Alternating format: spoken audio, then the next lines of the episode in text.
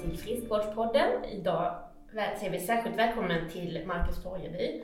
Och eh, för er som inte vet vem det är så ska jag alltså få prata alldeles strax. Men jag tänker börja med att läsa lite från din hemsida. Jag föreläser om vägen in till hjärtat. Om att vi människor redan har allt. Om vägen in till det som är viktigt på riktigt. Det som ligger bortanför konsumtion och prestation. Jag pratar inte om lycka och hur du ska tjäna mer pengar. Jag pratar om mening och det som är kärnan i att vara en människa. Ja, det var ju stort. Mm. är det jag som har skrivit det? Otroligt. Ja, det är helt sjukt. Det är bra. Nej men ja, det är jag ju intresserad av. Jag tänker att nu bara drar jag igång här. Mm. Det. Det är som vanligt. Nej men ibland så, jag tycker att vi människor, vi kan ju så mycket. Och ibland känns det som vi hela tiden går och letar eh, svar utanför oss själva på något vis. Det är ju, ja jag förstår att det kan vara så. Men jag vill ju mer lyfta tanken om att Ibland behöver man bygga sig rum av luft där det inte är så mycket för då hinner man själv tänka efter. Alltså då hittar man dörren in till sitt eget hjärta sådär. Det är lite min grej tror jag. Och det har jag varit bra på. Det är många grejer jag är dålig på men det är jag bra på ibland. Och det kan jag se lite som min som mitt mission kanske. Att prata och skriva om det lite mer. För det är så få som pratar om det tycker mm. jag. Ja, den mest lyckade är ju den som har mest saker kanske. Ja, och ja, det är ju det är bara att... Ja, ja. precis. Mm. Ja. För det känns ju som du har rätt så tidig med detta. För jag tycker ändå det har kommit mer och mer nu att vi måste liksom backa lite mm. från alla sociala medier och man måste liksom så gå lite in i sig själv och så. Men när började liksom Förlöparens hjärta, din bok? Ja den, är ju, ja den är ju den är ju 3-4 år gammal men mm. grejen är att ja, jag flyttade ut 98. Mm. Ja, jag var ju 20 år så, så för mig är ju 13 något nytt. Men jag fattar att det jag gick och grundade på då, det var inte så många som gjorde det. Vet du vad jag att det här med att bränna ut huvudet och när det är för mycket och intryck. Men det har jag ju varit, det är ju det jag pysslar med. Och det var ju liksom innan allt det här med ja, sociala ja, medier. Absolut. För ja, det var ju liksom, har bara haft iPhonen i 10-12 mm. år tror jag. Och det ja. känns ju som allt det här har accelererat sen dess. Absolut. Så för 20 år sedan var det ändå ganska lugnt i våra huvuden i förhållande till hur det är nu. Ja, för många men inte för mig. Nej. Men eh, ja, det var ju lite det som var anledningen till att jag ändå flyttade ut. Mm. Sådär. Alltså jag behövde hitta något något luft i systemet så jag kunde landa. Men det kanske inte är så som du säger Chris, att det är mer nu, det kanske bara börjar prata om det mer nu? Ja, men jag tror ändå att det är... Ja, med telefonen och Jo, ja. att det, det, är klart det är... Folk relaterar nog lite mer till detta nu ändå. Det var ingen som pratade om att bränna ut sig 99. Nej. Det hörde inte jag. Nej. Jag gjorde det. Eller ja, för det var det så det var i mitt huvud sådär. Men det fanns liksom inget namn på det. Jag kände bara shit vad trött jag är, jag kan inte ta några beslut jag behöver sätta mig i en situation där jag jag blir tvingad att ta beslut som är konkreta på något sätt. Alltså lite mer svartvitt. Jag tror att vi behöver leva våra liv så. Lite mer. Och framförallt i den tiden vi är nu. Mm. Det är så mycket som försiggår upp i huvudet. Mm. Man lever så långt ifrån basbehoven. Och det, jag fattar det. Men det finns något fint i att vara nära basbehoven. Det är mycket tillfredsställelse där. Och det är ju så vi människor har blivit formade menar jag. Om vi har bott 100 000 år på jorden så är ju de sista 50 åren har ju varit vi tror ju att det är det, ja, det är våran verklighet nu men det är inte det som har format oss. Det är inte därför vi kan sättas menar jag. Det är något helt annat och ibland tror jag det är viktigt att påminna sig själv om det. Så, så för mig så är ju liksom när jag har haft de grejer jag har haft i mitt huvud som när det har varit jobbigt och, och sådär, då har jag ändå känt att nej, leva ett liv som är lite närmare, lite enklare, lite tydligare. Mm. Då är det som att jag hittar huvudet igen. Och det kan jag ju se att många söker idag. Och så tycker jag att de liksom, råden de får det är ju bara Hej ät ett piller men helt ärligt mm. Allvarligt talat, det är ju helt sjukt mm, Istället för att ställa sig frågan bara, ja, men finns det en anledning till att jag mår som jag gör? Ja men typ ofta gör det ju det Och ofta så hänger det ihop med de här, ja men sover du? Hur mycket intryck har du per dag och äter du? Mm. För 80% som käkar psykmedicin idag skulle jag säga, hade de bara ställt sig den frågan så hade de kunnat sluta med det. Mm. Nu är jag lite hård där, men det är så jag tror. Det är vi med. David Ebenhard som jag ändå hade föreläsning med, som ändå jobbar med Alltså på hardcore eh, psyksjuka. Han säger att ja, den bästa effekten jag får på mina patienter är om jag får dem ut i rörelse i natur. Mm. Mm. Men då är det, vi är ju lite inne på det här med att man inte har, på arbetsplatser jobbar lite så också. Man bara jobbar mer och mer och tystare och tystare och mer på den här datorn istället för att bara nej, nu går vi ut. Men jag tror att det är på gång att ändra ja. sig. Alltså man kan ju ofta säga det att, eh, ja vilka det nu är de som är lite unga nu, man kan ju, ibland kan man säga att de är lite bortskämda sådär. Men jag tror att det är bra för de kommer inte nöja sig med en fet lön bara. Är det inte bra på jobbet så bara, ja men då vill inte jag vara här. Så det blir ju en svårighet för företagen men, men det kan jag se kan vara en positiv grej sådär. Mm.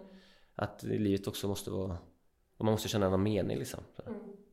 Ja men det är ju det, men man har ju ändå folk runt sig som har allt fast de har ändå inte kul. Nej. Det är det jag går runt och funderar på. Om man har allting och så kan man ändå inte bara slappna av och garva lite jo. av enkla grejer. Och då är det ju liksom det som du är inne på.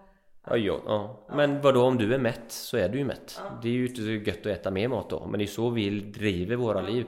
Och det är ju så allting runt omkring oss ser ut. Mm. Det är så som företag drivs. Ja, men om du pratar med vilken bonde eller fiskare som helst. Så har de ju vetat att det är hundratusen år. Okej, okay, nu, nu har jag odlat majs här. Eller vad det nu är. Så kan man göra det i tre år, sen behöver marken ligga i träda. Varför ska vi vara annorlunda? Vi är ju inte det. Det är det vi ser frukterna nu. Och sen så ser jag de som får mycket mediatid på TV. Ja men det är ju som min kusin. Han är ju koncernchef för SE-banken. Mm. Inget ont om han, han är en fin pojk men han bryr sig inte om detta kan jag säga. Det ska Nej. bara öka. Mm. Det är likadant med alla stora företag. Du får hjälpa honom. Ja, men jag menar, det, de sitter i sin mm. värld. Ja. Och, och, det är lätt för mig att stå vid utsidan och säga det. Ja, men det är ju det. Mm. För det är ju då man ser det på samma sätt som min fru har stått på utsidan av mig och kunnat hjälpa mig med grejer jag har problem med. Det, är, det är ju de vi måste lyssna på liksom. Så, så, så, lite så tycker jag. Men då är det bra om man är en eh, yin och en yang även på arbetet. Att man får hitta en kompis som kan se ja. olika grejer hos varandra. Ja, än att absolut. bara umgås med människor som är exakt lik dig Ja, ja men det är ju bara tråkigt liksom. Både tråkigt och lite dumt. Och likformat. Ja. Och det blir ingen utveckling. Nej, det blir det ingen utveckling. Så det bästa är ju när det kommer någon från höger brukar jag säga, som eh, öppnar upp lite. Nu är du inne på den här fotbollstiden. Nej men, ibland behöver man ju bara... Precis, men man behöver ju ibland en fet tackling bara. Ja, rätt in i sargen på något vis. För att... Sanningen är ju svider ibland men det är ändå skönt efteråt. Ja, precis. Men eh, jag är så himla intresserad av det här. Nähä, står du där nu? står här är... Nu kan du gå. Nej, jag ska. Anna brukar prata om mina fina anteckningar. Ja, jag kör ju med på orkestern. Nej, men jag vill att du pratar om ditt uh, uteprojekt, utehotell. Ja, just det. Ja, men det, är, det har ju varit massa olika delar i det. Alltså så här då. Om inte jag hade bott ute så hade jag inte levt. Punkt slut. Mm. Alltså så någonting hände ju när jag var ute och, och jag tror ju på kyla. Det är mycket forskning som kommer om det nu. Men min erfarenhet var ju bara att det kändes gott. Framförallt när det var mycket i huvudet. När du får... Men vi brukar ju säga då att man ska hålla huvudet kallt. Mm. Ja, men jag tror ju rent fysiologiskt att du ska göra det. Jag älskar det för att jag har alltid väldigt kallt i mitt sovrum. Mm, det är ju så det ska och vara. Det, det är för att du blir smartare, det säger Marcus. Mm. Men om det är varmt under täcket men huvudet är... Så är det. Då sover jag bättre. Jag kan inte sova om det är kallt om näsan. Jo. Finns det sån nässkydd? Nej men det är, jag tänker mycket är en, en vana ska jag säga. Men tänk när du ligger och det är svalt runt omkring dig så blir det ett tydligt motstånd och så är din kropp ditt element. Och så är det täck, alltså det blir som en trygghet där i. Mm. Ja, det är utifrån den tanken jag håller på med de här utesova-grejerna. Mm.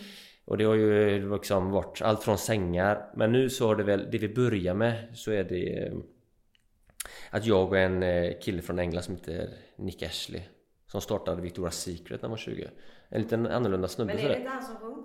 Nej, nej, nej, men han har spelat trummor Men han har spelat trummor i The Clash Ja. Alltså fattar du eller? Ja, men i alla fall, hans föräldrar startade i Law Ashley, det är någon sån mm. inrednings. Ja. Och när de startade i Wales, typ 45 eller efter kriget någon gång Så bodde de i ett tält i fem år Så det är där han kommer ifrån Sen att det blev en miljardindustri och han har levt ett helt annat liv i alla fall Men när jag träffade han det var det som att Ja men Ja men det landade i något gött liksom sådär Han jobbar ju med mode Sådär Och jag har mina idéer Små. Ja, inte så mycket nu. Nu jobbar de med, med andra grejer. okay. Nej men så, så utifrån de, mina funderingar och hans erfarenhet så, så har vi ja, men startat ett projekt som handlar om hur ska vi få den urbana människan ut? Utan att det ska bli konstigt. Mm. Sådär. Och för ofta så blir det att sova ute, det är bara jobbigt och regn. Men det är inte, det är inte de känslorna jag vill att folk ska känna. Jag vill ju att det ska vara lättillgängligt. Mm. Så det är det vi håller på med nu. Sen exakt vad det kommer landa, allting är så nytt. Mm. Men spännande. Ja, det är grymt spännande. Men alltså utehotell?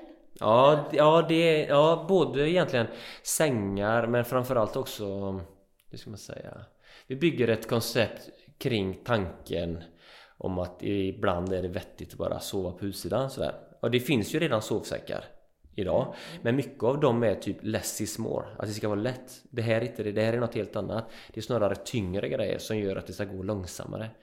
Jag, om, om ni snackar friluftsliv så kan man ju tänka Idag är det så mycket fokus på att det ska gå så fort som möjligt. Jag tror ju inte det. Jag tror ju det är tvärtom. Vi behöver leva friluftsliv som är långsamt. Faktiskt lite det som jag levde i skogen. Jag gillar ju att springa fort. Men att leva friluftsliv ute, du eldar och bara är på en plats. Alltså jag vill liksom sprida den tanken. Och det tycker jag saknas idag. Mm. Mm. Om du kollar på alla andra friluftsmärken så är det ja, mycket väger sovsäcken och det ska vara blanka material. Men jag vill ju känna bomull mot kroppen på något sätt sådär. Alltså tyngdtäcke? Ja, Precis. Vi började snacka med någon, vi var ute och vandrade i somras i mm. Norge mm. med en amerikansk familj. Mm. Och de hade mycket spring i benen kan man mm. säga. Mm. Alltså herregud, de, jag fick ju liksom Hallå, jag, vänta jag hinner inte med här. Och de hade ju matsäcken dessutom. De hade all energipacken och så. Jag liksom skulle ju gå så lätt som möjligt då, eftersom mm. jag var sämst. Så jag hade ju inga mellanmål i min väska och jag var sist hela tiden. Ja, det är jobbigt. De sprang iväg och jag bara så jag får ta lite bilder så de ja. ser, för de kan inte hinna se någonting på sin tur. Nej. Men, Nej men det, ja men just Man kan ibland... undra varför de har bråttom egentligen. Ja, varför åker man från USA till Norge? För att springa igenom ja. Men Fast ibland så tror jag det kan också vara så här om, om man pratar jobb sådär så, så är det mycket som ska vara flödeseffektivt och det ska mm. flyta. Jag tror det är så lätt att man stoppar över den tanken till sitt vardagsliv. Men helt ärligt, det är ju skittråkigt att springa på en platt asfaltsväg. Tänk att springa på E6 här ute. Om man jämför det mot att springa på en skogsstig. Mm. Så tror jag att alla skulle föredra skogsstigen. Det är liksom händer och det är fåglar och dofter. Det är så jag vill leva mitt liv. Jag vill ju vara ledsen, jag vill vara glad, jag vill vara hungrig och jag vill vara mätt. Mm -hmm. Men allting ska vara slätstruket och det är så vi bygger allting nu. Och så pratar vi om att det är typ framtiden och utveckling. Jag tänker mer att det är ju inte det. Det är ju snarare tvärtom på något sätt. Sådär. Varför har vi känslor och varför har vi nervbanor? Om vi inte ska känna menar jag. Det är väl ändå en anledning till att vi har det. Då tror jag det är viktigt att känna. Men om man då hela tiden... Att bara vara konstant i 21 grader som vi bor i idag. Alla har konstant 21 grader inne. Det är ju helt sjukt. Mm. Och för oss är ju det det normala. Man bara, ah, typ 15, vad jobbigt. Ja. Nej men det är så det ska vara. Så det, ja, men jag är ju lite i Sverige i alla fall så, så kan jag tänka, ja, men jag får ta detta på mig och prata om detta. Jag tror att det här är viktigt. Det är kanske bra ett hus som ska rivas och jag bor då, för jag har väl typ 15 också. Och det mm. blåser lite gött. Ja. Så kanske gör nytta. Nej men så det Jag har ju tre tjejer och den ena hon håller lite som jag, mycket tankar i huvudet sådär. Och så ibland är det svårt att sova. Att bara för henne gå ut och lägga sig på mm. utsidan, då tar det fem minuter för henne att somna. Mm. Ligger hon inne så tar det tre timmar. Så jag tror verkligen att det finns någonting där i liksom. Sådär. Mm. En ro. Mm. Men allting ska vara så himla perfekt. Man ska se perfekt ut, det får inte vara en det får inte vara det. det får, alltså allting blir så, man blir stressad bara och ibland kan man bli stressad bara av att vara. Kan vi inte bara få vara? Jo, jo, men vad då helt ärligt? En slät... Jag menar, eh, gipsvägg är ju inte så roligt egentligen. Det är mycket roligare med en plankvägg som har lite liv. Sådär. Mm. Mm. Vi kör inte med botox. Nej. Vi kör plankor. Ja, ja. Tvättbräda i. Plankvägg. ja. Nej, men jag hade en fundering faktiskt. Eh, för vi pratar ju rätt mycket om att mäta och det ska vara liksom tids, man ska sätta sitt personbästa och man ska springa fortare per kilometer och så vidare hela tiden. Och man mäter väldigt mycket inom löpning och idrott. Mm. Um, och i vissa fall känns det som att folk kan inte springa eller gå eller alltså man kan inte röra på sig om man inte kan få se hur det gick. Liksom. Nej. Vad tänker du om det? Ja men jag tänker att du har ju rätt i det och det är ju helt fel. Ja. Alltså jag menar vi är gjorda för att röra på oss och det är ju just glädjen att bara få vara ute. Jag var ju inne i tävlingsvärlden och sen så ballade det ur. Jag höll lite måttet. Så på något sätt så fick jag ju en knäck liksom. Jag har alltid älskat att tävla men det försvann sådär. Och det är på ett sätt en sorg men på något sätt så lärde jag mig något annat också. Jag insåg att ja, men jag kommer inte bli bäst men det är okej. Okay. Jag har sett så massa fina platser tack vare att jag fortfarande har sprungit. Sen hur fort jag sprungit, det har ju varit liksom sekundärt på något sätt sådär. Men jag tror att ofta att man mäter saker och ting för att det är möjligt. Mm. Det är lätt att stoppa in folk i fack och ja, du har sprungit så. Ja men du vet, det är mätbart. Och vi gillar att mäta och det finns något fint i det. Men ibland så tänker jag att det är inte det vi behöver idag. Vi mäter så många andra grejer i våra liv. Mm. Så löpning, det kan vara mätbart men det kan också bara vara frihet tror jag. Så jag tror att det handlar mer om en inställningsfråga. Jag gillar inte att mäta. Jag tycker det är jobbigt. Jag tycker däremot när vi har den här Forest 5, vi ska ju träffa Mikaela sen. Mm. Så är det helt oviktigt hur långt vi springer i skogen. Det viktiga är att vi gör det och att vi gör det tillsammans. Och nu kommer den bästa årstiden här när vi börjar växa blommor och fåglarna kommer ut. Men Linda, kom in på Linda, min kollega var i Hemsedal nu. Och så hon, var, hon gillar att mäta och det är inget ont i det men hon bara kolla den nya appen de hade nu på Skistar. Mm. Kunde man se hur mycket fallhöjd man åkt varje dag, vilken lift man vet, jag, jag kände att jag fick så lite, ja, men tänk eh, om man som familj då, ska det vara en tävling bara, det är ju, alltså då blir det ju inte att vi åker skidor för det är gött och så. Är han sämre då som åkte, alltså jag fick inte riktigt ihop det i huvudet varför man hade en sån app. Fast det kanske var kul. Nej men det är ju ofta så drivs ju det är bara som per automatik att det går åt det hållet. Det var ju lite samma nu, så vi pratar lite löpning så kan jag tycka att jag sprang när jag höll på så var det på bana. Det var ju väldigt mätbart.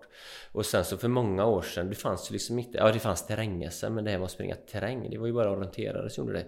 Sen så väckte ju den här trailvågen, den växte ju. Mm. Och då tänkte jag Ja, för mig så var det lite heligt att springa på fjället bara för mig själv på något sätt. Så jag har liksom aldrig hoppat in i det så. Eh, på grund av också att mitt huvud är som det är. Men jag kunde ändå tänka liksom och känna att ja, men snart kommer ju det vara infångat sådär.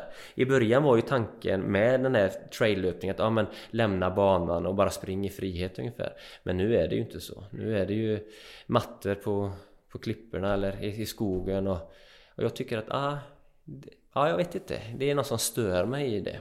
Mm. Varför liksom? Kan man inte bara få kuta? Men det är klart, det är också, om du då ska åka upp och köra en tävling så kanske det, man, det finns ju någonting i att jämföra sig som kanske är något fint i det också. Jag vet inte. Jag vet inte heller. Det får i alla fall inte vara det som blir hindret för att man ska ut och springa. Att man inte hinner en mil på en timme. Alltså du springer en timme. Skit i hur långt du kommer. Mm. Jag tror ju att de flesta människor skulle mer behöva så. Men sen om du ska satsa på att bli elit, ja men det är en annan grej liksom. Men jag tror att de flesta... Jo, men det är det jag menar. Nej, och det är det jag tänker. Så då, då är det ju bara bara hitta glädjen till varför man gör saker och ting. Sådär. Och det är ju samma som om jag skulle träna någon till exempel. Så, så kan man säga, ja men nu ska du springa med den eller, eller den pulsen eller det laktatet eller, ja, men sådär, eller så här fort. Ja, så kan man göra. Det är ofta så man driver det. Men man kan ju också ställa helt andra frågor. Ja, men när du springer distans så ska det kännas så här. När du kör tröskelträning då ska det kännas så här. Då blir man ju tvungen att reflektera och i början kanske man misslyckas några gånger men sen så får man ju en annan förståelse för sig själv och sin kropp på något sätt. Mm. Ja, det tror jag kan vara vettigt. Mm. För det känns ju också som att vi är liksom ganska långt ifrån det. Att man liksom, man har tappat det här med att känna många känner inte skillnad på hunger eller törst till exempel. Därför äter man mer än vad man borde kanske. Men att man, ja, alltså man kanske tittar mer på klockan än hur det känns i benen och därför, det blir också väldigt konstigt. För du, du kan ju, om du har en lite, ja, kanske sovit lite dåligt eller vad det nu kan mm. vara, som gör att det är jobbigare benen fastän det går långsammare. Mm. Så, så spelar det egentligen ingen roll. Nej precis. Nej men vadå, är det inte lite så att eh ja, om man nu ska ändå vara lite Alltså med prylar, jag fattar ju varför det blir så. Det är väl bra att det finns företag som jobbar med grejer som gör att folk tar sig ur. Men på något sätt så blir det också... Det finns ju olika agender menar jag. Jag menar om vi pratar swimrun. Jag håller på, jag har hållit på med det hela livet. Jag älskar det. Och simma mellan öarna menar jag. Sen är jag kass på att simma men jag har ändå gjort det. Och sen så när den växer fram den trenden så, så kan jag ju se varför den gör det företag som skapar våtdräkter och speciella dolmar och paddlar och sånt. Och de har ju också en agenda att sälja grejer. Det är så det funkar. Mm. Och sen så tror jag att eh, du kan ju gärna ha det, men om man tror att man måste ha alla grejer för att vara ute, då har det blivit lite fel sådär, tänker jag. Mm. Så ibland så kanske det är lite det man behöver grunda, man behöver själv ställa sig tanken liksom. Men okej, okay, behöver vi ha alla de här grejerna för att vara ute? Du kan gärna ha dem, men du kanske inte alltid behöver ha det. Det kanske är lugnt att bara ha på kallingar liksom. Så. Men jag menar, swimrun om vi nu pratar om det då. De som startar liksom lite i den här formen, det är ju Ö till Ö. Mm. Mats och Mikael och de här, ja det är ju multisportare. De älskar ju prylar liksom. Det är därför de håller på med multisport. Det är lite konstigt att det liksom lite Nej. blir det fokuset sådär. Så. Nej, men det, mm, det var ju någonting jag stod och tänkte på nu. Då får du tänka lite. Ja, jag tänk, jo, jag tänkte så här. Tänker du mycket på vad du äter? Jag äter. Det har ju varit så... Jag har ju haft så massa konstiga grejer med mat. Det har ju varit... Alltid varit komplicerat. Inte nu egentligen. Eh, sådär. Att jag, men, men förr var det ju... Ja, ätstörningar, yes. Mycket. Mm. För det vart som att man gick in i, i bubblor och brunnar som jag fastnade i som jag trodde att men det här är bra. På något sätt. Och så, så om jag inte åt på det där sättet så vart det liksom ångest på något sätt sådär. Där har jag ju varit, och jag brottas mycket med det där. Men det har ju också lärt mig mycket. Men var det liksom en kultur inom friidrotten? Nej men jag tror det, jag har alltid varit så, ja men det var sen början när jag var liten så där. Det var som att jag bara fick panik om jag såg en tjock människa liksom. Det låter ju sjukt. Mm. Men så har det varit sen jag var tio sådär. Är du med? Ja. Och så börjar man med testa. Och sen så idag är det ju helt sjukt. Jag skulle säga att det känns som om det är mat idag för folk. Det är som en det du bara varit inlagd för för 20 år sedan så håller ju vilken man brötta och gubbe som helst på på Instagram nu liksom. Och för oss är det det normala. Men att äta en sallad och en gurkbit och ett halvt ägg och tro att det här är tillräckligt, det är inte det. Därför var det så gött. Ibland så pratar jag med min morfar så pratar jag men då när ni fiskar som hårdast, hur många potäter käkar ni då? Ja, 10-15 stycken. Då får man lite perspektiv. Mm. Så på något sätt så när jag bara släppte allt det där insåg att ah, ja, att äta med ro, det är det viktigaste liksom. Och sen såklart att äta bra grejer. Men det är ju inte så himla svårt. Så lite förädlat som möjligt. Och det som är typ i närheten. Så, så är det ju ja, till 85% är det bra i alla fall. Så mycket av de här trender och sånt, jag fattar varför det blir det. Men det finns alltid någonting bakom. Det är samma som dolmen. Precis, precis. Det är samma som swimrun. Ja, Dolmen, ja precis. Ja. Kanske var tydligare. Ja, reklam lönar sig som man säger. Ja, mm. precis. Nej, men så, så med mat. Men nu är det ju en intressant grej för jag SVT håller på med en ny dokumentär. De gjorde en om mig som heter Löparnas gick, alltså det är ju nästan 20 år sedan. Så nu håller vi på med en uppföljare. Och så en del i den är att jag ska springa en tävling för att se liksom vad, vad som kommer hända. Så nu har jag tagit hjälp av en, en kille som heter Anders som, du vet jag har ju inte haft någon tränare på över 20 år. Mm. Och så alltså börjar vi prata mat och han bara Men Marcus, helt ärligt, det här är ju helt sjukt så som du har hållit på liksom. Det är som att du har ju bara tänkt överlevnad. Det har ju ingenting med prestation att göra. Och för, så för mig har det varit det normala att allting är... Vad har du ätit då? då? In, ja, frukost har jag inte ätit på 15 år bara som en sån grej. Och det är inte det att alltid du blir skral eller smal sådär. Det är inte det utan det blir som... Jag tror jag har... Um, ja, jag kan se nu när jag sitter tillbaka och pratar med han. Det är intressant liksom. Det, då ser jag shit alltså att jag, man går in i så mycket sanningar som man tror det och sen så är det kanske inte vettigt liksom. Så nu håller jag på med en resa så jag ska göra en massa tester i, imorgon faktiskt. Och så ska det bli skitspännande. Jag menar jag är 42. Så det här. Och, och på något sätt att jag ändå jag vill ändå veta vad du äter. Ja. Ingen vad är det som förändringen liksom? Nej men först och främst att jag bara börjar käka frukost sådär. Och typ ett ägg? Nej men det kan ju ja, vara allt. Ja men sådär. Eh, du har jag äter lite alltså? Ja, det, mm. det, det gör jag. Sådär. Jag äter, jag menar, det kan ju vara så. Jag kan ju käka en mörk chokladkaka på dagen och sen så käkar jag middag på kvällen. Ungefär så. Ja. Så har det varit i ja, ja. 15 år. Och det, är, det kanske är råkast att käka mörk choklad men det är så det har varit bara det normala. Mm. Så nu bara mer peta i sig grönsaker och mm. frukt har jag alltid ätit i och för sig men det har alltid varit åt det söta hållet. Men jag kan säga, jag kan, jag försöker också lära mig men jag försöker inte krångla till det så mycket. Nej men det är ju det att jag har ju liksom Jag har ju en förmåga att överdriva. Och i löpningen så är det Jag menar när jag sprang 25 mil i veckan Det var ju konstant blå om läpparna. Det beror ju på att jag inte hade tillräckligt med näring. 25. Och det är inte alltid så att du bara blir råskral för att du äter För det är som att kroppen går in i något annat tillstånd. Ibland så känns det så för mig i alla fall. Det blir något konstigt liksom. Och att jag inte bara förstod ja, men, Ja och så tänkte jag men varför håller jag på så här? Och jag tror att... mil i veckan, det är ju... Ja det är jättemycket. Jag bara, hur många men jag lyssnade också på någon podd där du sa att du hade liksom, du trodde det skulle finnas mat på ett ställe och sen så fick du ja, ja. 12 mil jo. till utan någon mat. Jo, jag bara, herregud, jo men det grejer jag ju för, liksom. nej men där är jag ju bra på det sättet för där har jag ju, jag är ju van liksom. Eh, man kan säga så här, du hade vunnit Robinson lätt. Det, ja, det vet man inte. Men, jag, men just men, men att leva så hela tiden på något sätt. Att det liksom inte blir... Ja, men jag nog, ibland känns det som jag inte varit rädd om kroppen på det sättet. Huvudet känner jag ändå att jag har varit rädd om. Alltså mina tankar och sådär. Men ibland är det som att jag har varit lite vårdslös med den. Jag, ja. Och helst under många år så försökte jag vill ändå se hur bra kan det bli med det här med att springa sådär. Även om jag fattar att jag kommer aldrig liksom bli bäst så vill jag ändå se för mig själv. Det räckte liksom egentligen att jag sprang på en väg själv uppe i Jämtland. Men, men nu när jag ser tillbaka så tänker jag, ja ja men bara som en sån grej som, som föda, det, ah, det har jag inte brytt mig om liksom. Men kan man säga att det svartvit-tänket gick lite för långt? Ja, men ja, det har levt mycket i mitt liv så och det har varit väldigt bra på många sätt. Men ibland så... Det var ju samma som nu då när jag träffade Frida Så var jag ju inne i skogen och sen så får vi barn och jag bara... Och så, jag jobbar ju inte så mycket. Och hon, hon var ju mammaledig. Och man letar kronor mellan sätet i bilarna. Och så tänker jag antingen får jag springa till Järpen och köpa mat för 50 spänn. Eller så får jag ta bilen och kan köpa för 25.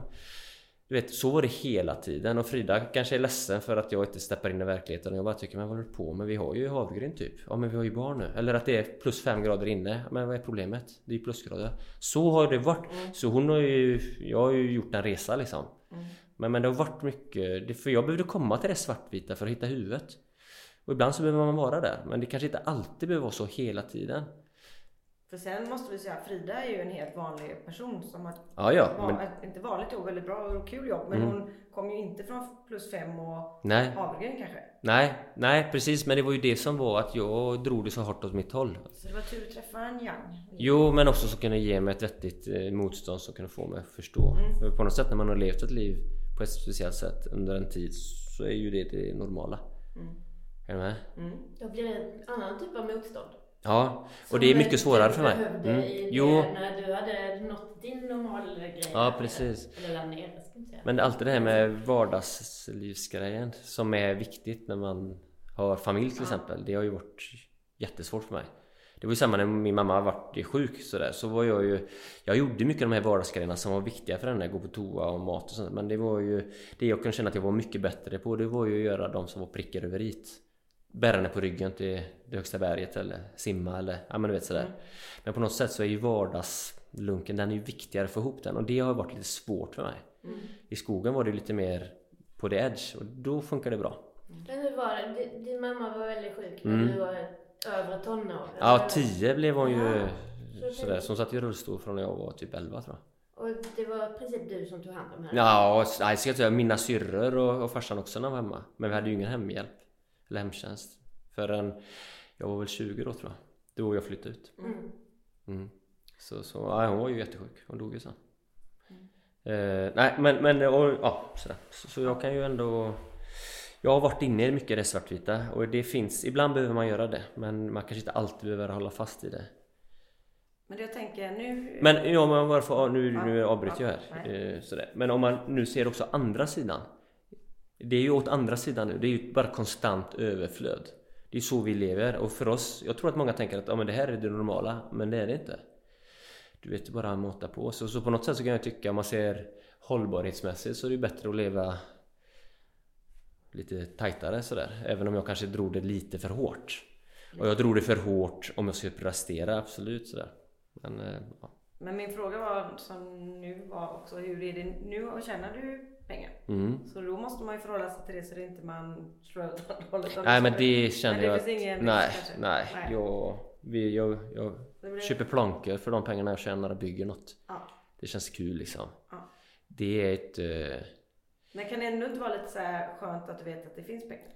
Jo, men, familjen, jo det är jätteskönt att vi just det med mat men, men sen så är vi båda nu bodde vi på Öckerö ett par år Frida ville jobba klart men sen så när vi hon såg upp sig från den tjänsten hon hade och så flyttade vi upp till Jämtland och allting är ju, då är vi tillbaka på osäkerheten. Ja. Men på något sätt så vet man att det löser sig och nu har det ju, det löser sig och det har det gjort det. Men, eh, mm. Men ni har kvar huset på Öckerö? Mm, mm, vi har kvar det. Men vi har liksom alltid Ja men Frida jobbade som designer på Volvo förut och så var ju nästa steg för henne antingen får du bli någon chef eller så, ja sådär. Och hon kände bara, nej men det är ju helt ointressant att tjäna mer pengar och vara borta mer och bara vara trött. Men det finns ju ingen mening liksom. Så då sa hon upp sig och så eh, Ja men vi kan man säga att vände på den här karriärstegen kanske man ska säga. Tid är viktigt för oss. Nu har hon... Fast hon har fått världens coolaste Jo hon, har ju, hon gör färgerna för Lotus sportbilar. Mm. För hon, hon är svinbra liksom. Mm. Men dealen är att ja, men jag får ju sitta i Jämtland. Ja men det är lugnt. De vet att hon klarar det. Då gör hon det. Så jobbar hon 50%. Mm. Men det är ju också det är ju ett stridande att komma dit. Men för oss har ju det varit viktigt sådär att ja, men tid är viktigt. Ja, men vi, jag lämnar barnen på skolan på morgonen och sen så kommer jag hem. Och så kan vi, om hon skulle vilja träna så kan hon göra det eller vi tar en kopp te och sen går hon och jobbar några timmar och jag gör mitt. Det kan ju låta bortskämt men jäses vad vi har kämpat för att komma dit. Vi har massa tid. Och sen är det klart att jag är iväg och jobbar och pratar och sådär. Mm. Men mestadels är man ju hemma, det är ju rågött. Mm. Ja, men det är ju ändå lite det man är ute efter själv. vad är viktigast? Ja men det är att jag kan göra roliga grejer. Inte ja. vara på jobbet Alltså, Nej, men man vill ju ha... Jag har jobbat 80 timmar den här veckan. Ja, men då förlorar du kan jag säga. Ja, ja men lite så. Jag har precis faktiskt lämnat in en krönika igår. Jag skriver mm. krönikor i lokaltidningen. Mm. Um, om just det här med att göra saker tillsammans mm. med barnen. Liksom allihopa gör saker tillsammans. Mm. Snorklar eller åker mm. skidor och så här. Istället för att man liksom har kommit upp lite ur det här träsket där man bara hjälpte och hjälpte och de bara grät och var mm. liksom så här trötta. Men att man liksom gör det tillsammans. Ja. Gud vad jag njuter av det. Det är alltså underbart. Ja, nej, men så kan vi... Att man är lite ja, men vi på pratar, samma nivå. Jag och Victor pratade faktiskt om det också. Att det var någon som, det var någon bebis tror på TV. Men bara titta på den och bara. Fy fasen. Ja, men det är ju inte att man längtar tillbaka. Nej, man nej. Ju, för det är ju roligt att umgås med någon som kan prata tillbaka mm. och jo, så är det. umgås. Som vi gör. Nej, men vi kan ju känna också som den yngsta av mina döttrar, hon är ju fem så nu, hon söver ju. Och, och så på tisdag, torsdagar så åker de storslalom och skicrossträning och då är alla med och det är ju så skoj liksom. Mm. Skicross är ju, det ser riktigt farligt ut. Nej, ja, men det är ja, kul alltså. Jo, ja, hopp och ja. nästan stort. Men det går fort. Fort som tusan. Ja. Mm, det är jätteroligt. Kul. Mm. Ja men just det som du säger, göra grejer ihop. Alltså, men du, du bor ju nära Åre. Ja. Du har varit på Åre precis. Mm. Har du kollat någon på VM? Ja, inte så mycket. Mina barn sjöng på invigningen. Eh, men det jag var sugen på var ju kolla störtloppet men då var jag borta mm. tyvärr. Så det har varit riktigt dåligt. Åre är ju kanon att det finns men jag är glad att jag bor utanför. Mm. Alltså Åre är ju, det är ju lite ängsligt där. Så. Och det är ju helt okej. Okay. Mm. Det är bra som sagt att det är det men vi håller oss lite vid sidan. Men hur långt är det om ni ska... Två mil. Åker barnen skidor där eller åker Ja, både där men den äldsta gör det men framförallt i Trillevallen. Mm det, det, är bra när de är lite mindre så. Det är lite tajtare. Vet, jag har ju sprungit Åre fjällmaraton. Ja, då har du sprungit det. Så då tror jag vet. Jag mm. för att jag vet var jag var. Nej. Jag njöt inte en enda sekund. jag ville bara hem. Ja, nej men det, ibland kan jag också tänka det att det är ju en ruggig utmaning att springa de långa loppen. Så, men ibland så tänker man jösses alltså, springa gärna ett fyra mil över fjället, det kan vara hårt. Mm, det var lite hårt. Det var ingen taxi som stod och hämtade upp Nej, nej. Det var någon som frågade så här men hur klarade du det? Jag hade liksom inget val när jag väl hade börjat. Nej, nej men så är det. Men det är ju det som är gött på fjället. Ja. Det är ju därför jag lite har gjort de här långturerna jag har gjort. Och känna sig lite utlämnad. Det är ingen som hämtar mig där. Nej. Så, så har vi batteri också. Ja, Bra. nu är vi laddade mm. igen. Ja, underbart. Mm. Jo, jag skulle vilja höra, du pratar mycket om motstånd. Mm. Det är något som vi behöver för att ja, utvecklas, både typ mentalt och fysiskt, tänker jag. Vad vill du säga om det? Nej men jag tänker ju att det är ju det... Um, vad vill jag säga nu? För mig så har jag ju sökt mig till det för det har också gjort att jag blivit tvingad till att känna så. Om jag lever i ett sammanhang där saker och ting... Alltså det låter inte... Allting ska inte vara jobbigt. Motstånd behöver inte vara förknippat med jobbigt. Det kanske är det som är grejen. Men jag tror att i motstånd det är ju först då man ser om man är på rätt väg eller inte helt enkelt. Om man aldrig får det så kan man ju aldrig spegla sig. Det är som en spegel helt enkelt. Så för mig är en motstånd och en spegel det samma grej. Och det tror jag är viktigt att göra det varje dag. På något sätt. Jag vet inte om det var svar på frågan men det är lite så jag tänker kring motstånd. Om allting bara är lätt så blir det tråkigt. Ja, så är det också. Men också det här med... Jag menar, när jag flyttade ut i skogen om vi tar det, så var det så snurrigt i huvudet. Jag menar, hade ångest helt enkelt. Och då när jag fick leva ett, ett liv som var... Alltså att frysa är ju ett motstånd där i. Men det, då blir det så enkelt att veta vad man ska göra för att det ska bli gött. Det är det som att ångesten försvinner, jag fryser, så tänder jag en eld och så är det bra. Mm. Men alltså, när man har gjort det tillräckligt många gånger så är det som att det byggs in en god känsla i kroppen. Sådär.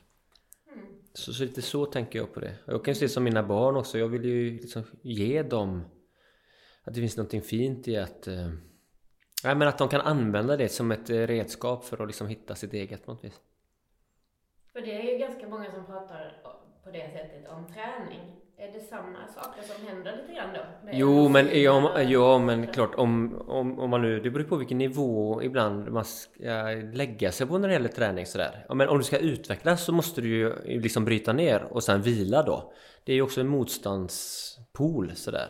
Men om du har väldigt mycket på ditt jobb till exempel så kanske löpningen, då kanske man inte ska tänka som att löpning ska vara ett motstånd på det sättet. Då kanske det mer ska vara, vara ett sätt att få blodet att cirkulera så du får ett lugn i kroppen. Så det beror nog lite på vad man är i livet sådär. Mm. Och det behöver man gärna reflektera över ganska ofta tror jag.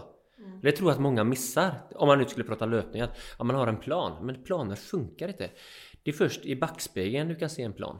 Du kan aldrig ha en plan. Inte ens om du är världsmästare så måste du hela tiden justera. Och det tror jag att de som är riktigt eh, duktiga, de är bra på att justera.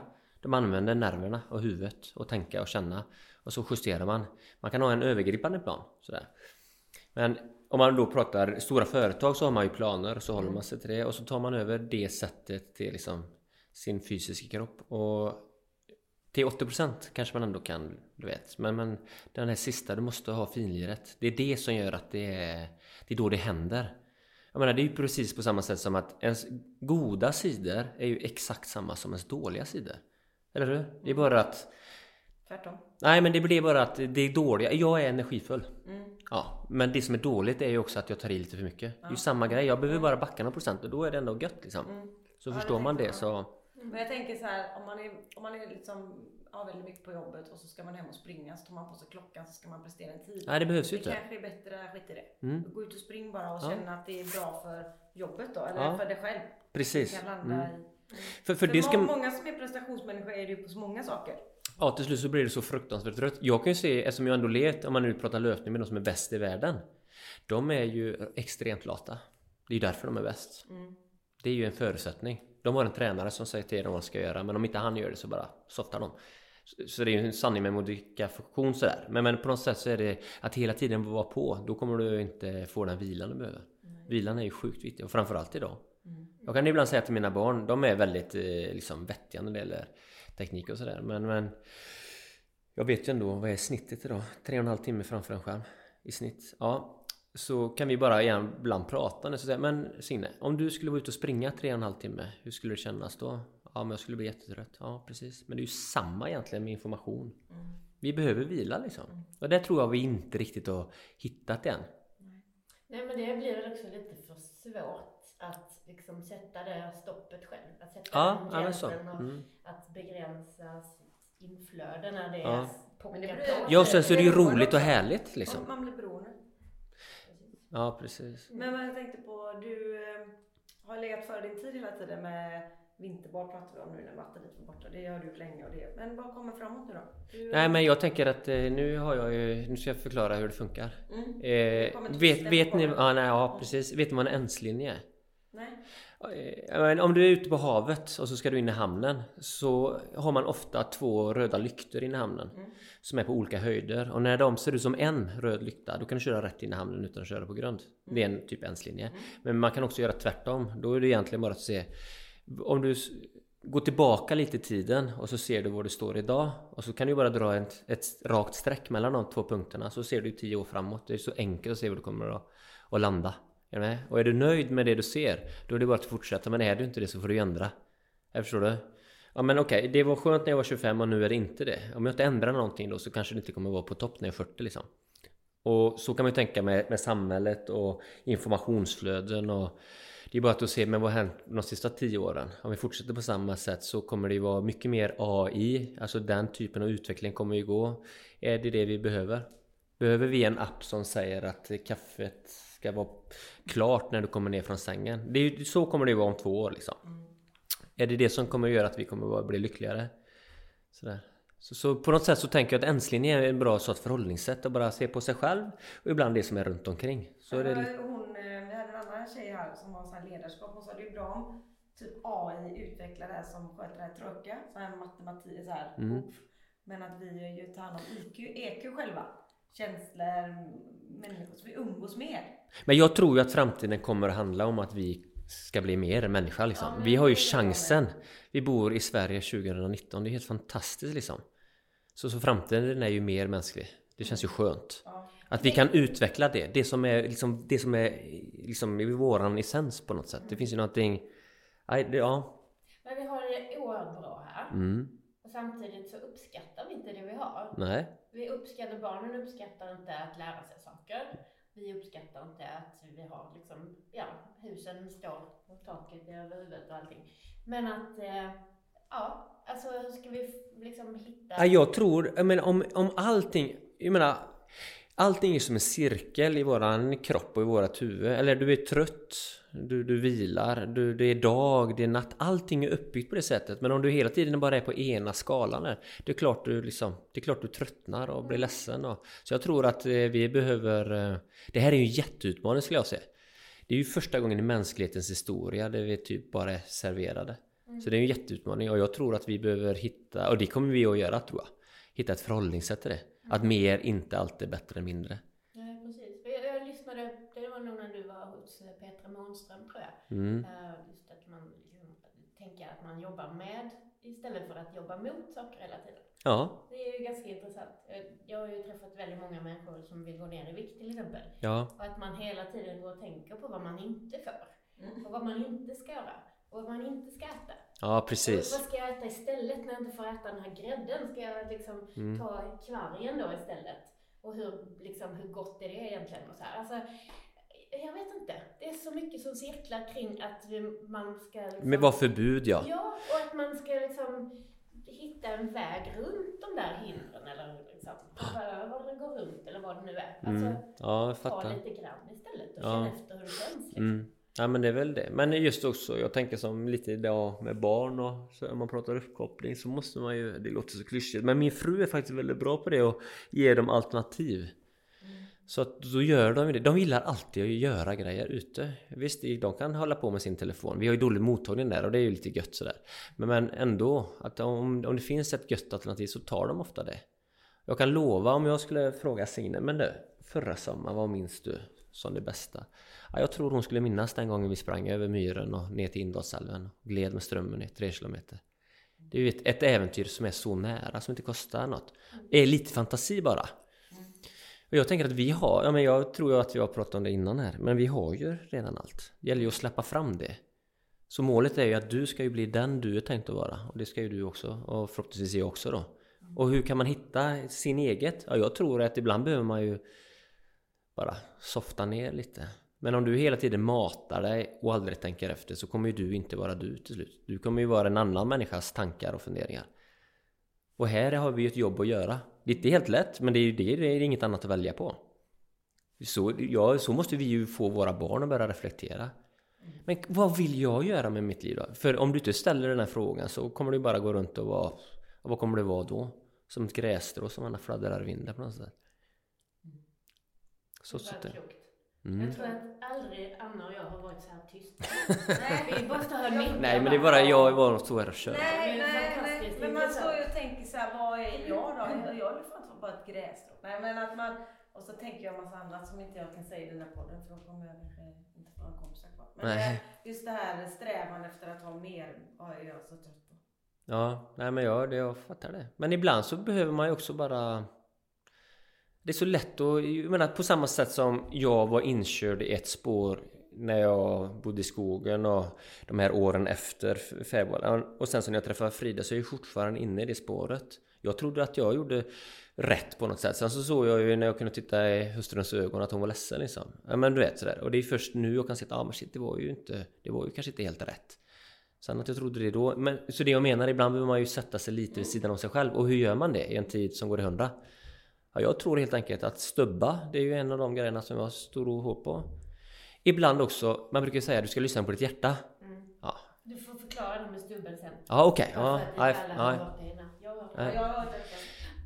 Okej, nej men vi börjar med stubben då. Det var ju det att eh, i, i början i skogen så var jag så himla rastlös och så det, Min morsa när hon var så himla sjuka så var det som att hela hennes kropp var borta liksom. Men hon var ju så himla bra på att lyssna till slut. Och det var som att annat växte i henne när kroppen försvann. Så jag tänkte att det var intressant. Så när jag kom ut i skogen och var där ute och var så rastlös så tänkte jag men jag behöver ju bli av med den här rastlösheten på något sätt. Hur ska jag göra? Så då satte jag mig på en stubbe många timmar varje dag. Alltså tre månader kanske, fyra timmar en dag. Sen försvann det. Och det var ju skönt att bara känna att shit vad grym jag är. Och ändå behöver jag inte göra något. Är du med? Det var som en, det var så som öppnades inombords här. Så att stubba tror jag kan vara nyttigt. Att helt enkelt också såga ner sig en riktig stubbe ha i sitt hem. Och folk vet, dina barn eller man, att ja, men nu sitter hon eller han där. Då behöver han eller hon fundera liksom. Så ger den tiden. Men, ja men så, för en fysisk symbol. de här gamla klyschorna, håll huvudet kallt och har du suttit på en stubbe och funderat på dina synder. Det var en lä lärare som sa till mig Aha. Krantz, har du någon gång varit ute i skogen och satt dig på en stubbe och funderat på dina synder? Ja men det är klart, det har jag aldrig hört. Nej, inte jag heller. Nej. Det sa han och jag tänkte det att, eh, nej kanske får göra det. Ja, ja, men det är klockrent. Men vad var det mer för katter var vi inne på det? Det var stubben. Ja, det var du hade någon fråga. Det? Stubba och... Ja, det var något. Jag vet inte. Jag skulle ju fortsätta med något annat, men så kom jag in på stubben. Vad konstigt. Det var väl för att man ska... spola tillbaka. Mm. Ja, Eller precis. så Ja, ja. kommer det. Men eh, du är ju klok som en bok. Ja, Kan du också ett uttryck? Ja precis. Klos med bo- Ja, Vi precis. prata om det här med föreningslivet också. Just För det. det är faktiskt en rätt viktig eh, sak som kanske ja, många av dagens nutidsmänniskor fattar inte grejen det. Men, men då måste jag säga att vi, eh, då är det ju en fördel att bo på en ö, Öckerö, som jag är uppväxt på, och i Jämtland. Vi är, det är 20 år efter på vissa grejer. På, och, och det är väldigt, väldigt bra. Den skidklubben vi är med uppe i Jämtland, Esostadens slalomsklubb. Mm, rubriken är skidglädje, det är liksom fokuset så. Och så är det, ja, det är tisdag och torsdag, föräldrarna är där och hjälper till. Det är en förutsättning. Och det är ju underbart att se sina barn vara glada. Så det är ju liksom, det är ju bara, det är ju det är ju bara härligt att vara där. Det är ju som att gå på världens bästa film varje tisdag och torsdag. Så, så att ibland behöver man ju bara ändra i huvudet menar jag. Men jag förstår ju idag att föreningslivet håller på att försvinna. För man är väl inne i sitt jobbtänk och så tar man det till sitt privatliv. Ja men jag är ju konsult, jag tjänar ju massa pengar så ska jag stå här i en kiosk och servera korv. Ja men det är ju underbart. Mm. Ja. Men jag, ser, jag blev så här glad idag när jag insåg att Olle har innebandymatch ikväll i Valda. Ja! Ja. Han bara, mamma du är sjuk. Ja! Och så ska jag spela tennis först. Jag har inte lika roligt att jag ska, det är ännu roligare att titta på dem. Ja, det är Det klart. kul. Ja. Men jäset, det var som att jag, det var ju något Mm. stubbe, men vad var det här andra då?